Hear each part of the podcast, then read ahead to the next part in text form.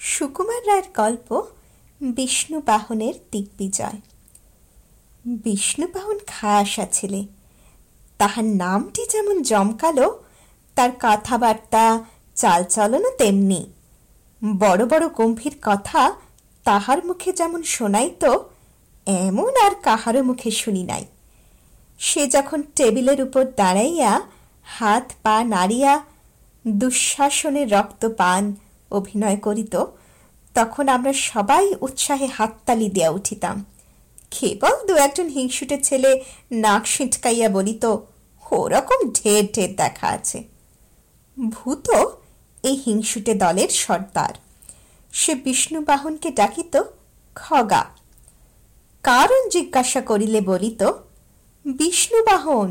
মানে গরুর আর গরুর হচ্ছেন খগরাজ খগরাজ পাইলাজ নাশিকা অতুল তাই বিষ্ণুবাহন হলেন খগা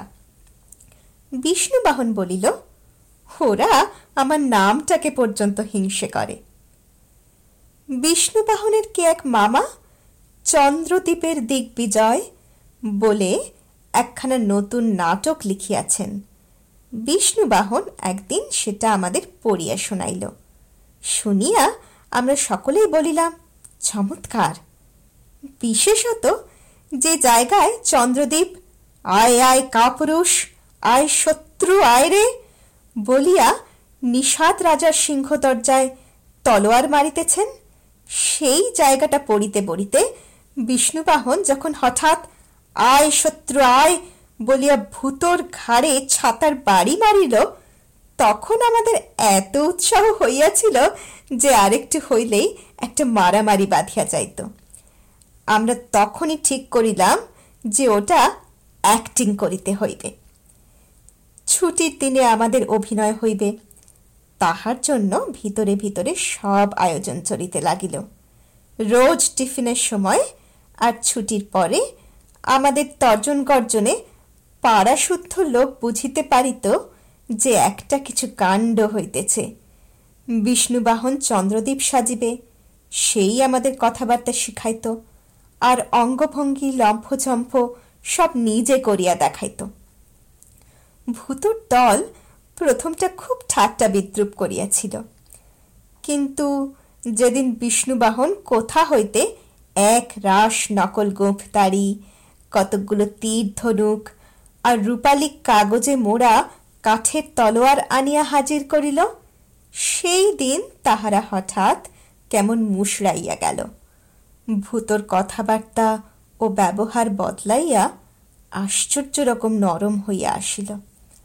এবং বিষ্ণুবাহনের সঙ্গে ভাব পাতাইবার জন্য সে হঠাৎ এমন ব্যাকুল হইয়া উঠিল যে ব্যাপার দেখিয়া আমরা সকলেই অবাক হইয়া রহিলাম তারপর তিনি টিফিনের সময় সে একটি ছেলেকে দিয়া বলিয়া পাঠাইল যে দুধ হোক পেয়াদা হোক তাহাকে যাহা কিছু সাজিতে দেওয়া যাইবে সে তাহাতেই সাজিতে রাজি হইয়াছে শেষ দৃশ্যে রণস্থলে মৃতদেহ দেখিয়া নিষাদ রাজের কাঁদিবার কথা আমরা কেহ কেহ বলিলাম আচ্ছা ওকে মৃতদেহ সাজতে দাও বিষ্ণু বাহন কিন্তু রাজি হইল না সে ছেলেটাকে বলিল জিজ্ঞাসা করে আয় সে তামাক সাজতে পারে কিনা না শুনি আমরা হো হো করে খুব হাসিলাম আর বলিলাম এইবার ভূতর মুখে জুতো তারপর একদিন আমরা হরিদাসকে দিয়ে একটা বিজ্ঞাপন লিখাইলাম হরিদাস ছবি আঁকিতে জানে তার হাতের লেখা খুব ভালো সে বড় বড় অক্ষরে একটা সাইনবোর্ড লিখিয়া দিল চন্দ্রদ্বীপের দিক বিজয় চোদ্দই আশ্বিন সন্ধ্যা ছয় ঘটিকা আমরা মহা উৎসাহ করিয়া সেইটা স্কুলের বড় বারান্দায় টাঙ্গাইয়া দিলাম কিন্তু পরের দিন আশিয়া দেখি কে যেন চন্দ্রদীপ কথাটাকে কাটিয়া মোটা মোটা অক্ষরে লিখিয়া দিয়েছে। বিষ্ণুবাহন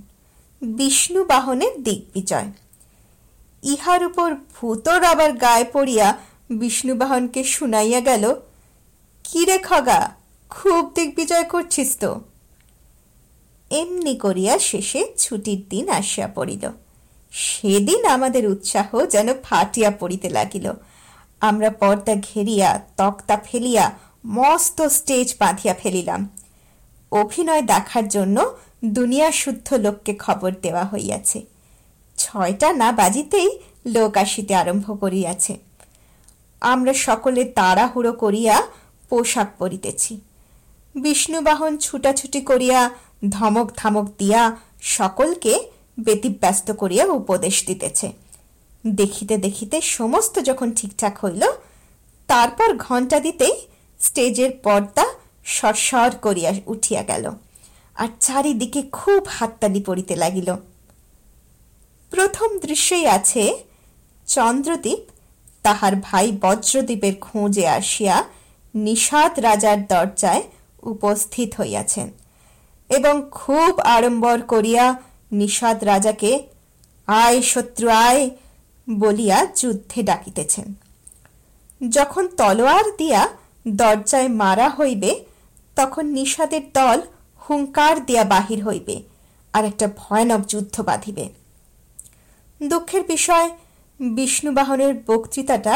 আরম্ভ না হতেই সে অতিরিক্ত উৎসাহে ভুলিয়া খটাং করিয়া দরজায় হঠাৎ এক ঘা মারিয়া বসিল আর কোথা যায় অমনি নিষাদের দল মার মার করিয়া আমাদের এমন ভীষণ আক্রমণ করিল যে নাটকে যদিও আমাদেরই জিতিবার কথা তবু আমরা বক্তৃতা টক্তৃতা ভুলিয়া যে যার মতো পিটান দিলাম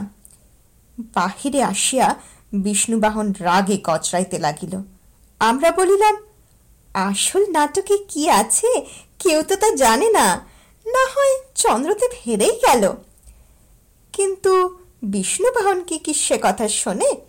সে লাফাইয়া ধমকাইয়া হাত পা নাড়াইয়া শেষটায় নাটকের বইয়ের উপর এক কালির বোতল উল্টাইয়া ফেলিল এবং তাড়াতাড়ি রুমাল বাহির করিয়া কালি মুছিতে লাগিল ততক্ষণে এদিকে দ্বিতীয় দৃশ্যের ঘণ্টা পড়িয়াছে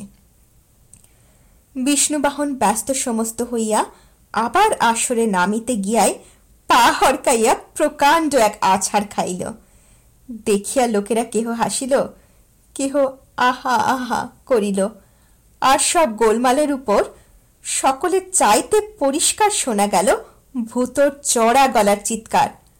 বাহুবা বিষ্ণুবাহন বিষ্ণুবাহন বেচারা এমন অপ্রস্তুত হইয়া গেল যে সেখানে যাহা বলিবার তাহা বেমালুম ভুলিয়া সেনাপতি এই কি সেই রত্নগিরিপুর ভুলিয়া একেবারে চতুর্থ দৃশ্যের কথা আরম্ভ করিল আমি কানে কানে বলিলাম ওঠা নয় তাহাতে সে আরও ঘাবড়াইয়া গেল তাহার মুখে দরদর করিয়া ঘাম দেখা দিল সে কয়েকবার ঠোক দিয়া তারপর রুমাল দিয়া মুখ মুছিতে লাগিল রুমালটি আগি হইতেই কালি মাখা হইয়াছিল সুতরাং তাহার মুখখানার চেহারা এমন অপরূপ হইল যে আমাদেরই হাসি চাপিয়া রাখা মুশকিল হইল ইহার উপর সে যখন ওই চেহারা লইয়া ভাঙা ভাঙা গলায় কোথায় পালাবে তারা শ্রীগালের প্রায় বলিয়া বিকট আস্ফলন করিতে লাগিল তখন ঘর শুদ্ধ লোক হাসিয়া গড়াগড়ি দিবার জোগাড় করিল বিষ্ণু বাহন বেচারা কিছুই জানে না সে ভাবিল শ্রোতাদের কোথাও একটা কিছু ঘটি আছে তাই সকলে হাসিতেছে সুতরাং সে সকলে দৃষ্টি আকর্ষণ করিবার জন্য আরো উৎসাহে হাত পা ছুড়িয়া ভীষণ রকম তর্জন গর্জন করিয়া স্টেজের উপর খুরিতে লাগিল ইহাতেও হাতেও হাসি ক্রমাগতই বাড়িয়াছে দেখিয়া তাহার মনে কি যেন সন্দেহ হইল সে হঠাৎ আমাদের দিকে ফিরিয়া দেখে আমরা প্রাণপণে হাসিতেছি এবং তাহাকে লক্ষ্য করিয়াই হাসিতেছি তখন রাগে একেবারে দিকবিদিক ভুলিয়া সে তাহার তলোয়ার দিয়া বিশুর পিঠে সপাং করে এক বাড়ি মারিল বিশু চন্দ্রদ্বীপের মন্ত্রী তাহার মার খাইবার কথাই নয় সুতরাং সে ছাড়িবে কেন সে ঠাস ঠাস করিয়া বিষ্ণুবাহনের গালে দুই চর বসাইয়া দিল তখন সেই স্টেজের উপরে সকলের সামনে দুজনের মধ্যে একটা ভয়ানক হুড়োহুড়ি কিলাকিলি বাধিয়া গেল প্রথমে প্রায় সকলেই ভাবিয়াছিল ওটা অভিনয়ের লড়াই সুতরাং অনেকে খুব হাততালি দেওয়া উৎসাহ দিতে লাগল কিন্তু বিষ্ণুবাহন যখন দস্তুর মতো মার খাইয়া দেখুন দেখি স্যার মিছামিছি মারছে কেন ভুলিয়া কাঁদো কাঁদো গলায় হেডমাস্টার মহাশয়ের কাছে নালিশ জানাইতে লাগিল তখন ব্যাপারখানে বুঝিতে আর কাহার বাকি রহিল না ইহার পর সেদিন যেহার আর অভিনয় হইতেই পারে নাই এই কথা বুঝিয়া বলিবার দরকার নাই ছুটি হইবার তিন দিন পরেই বিষ্ণুবাহন তার মামার বাড়ি চলিয়া গেল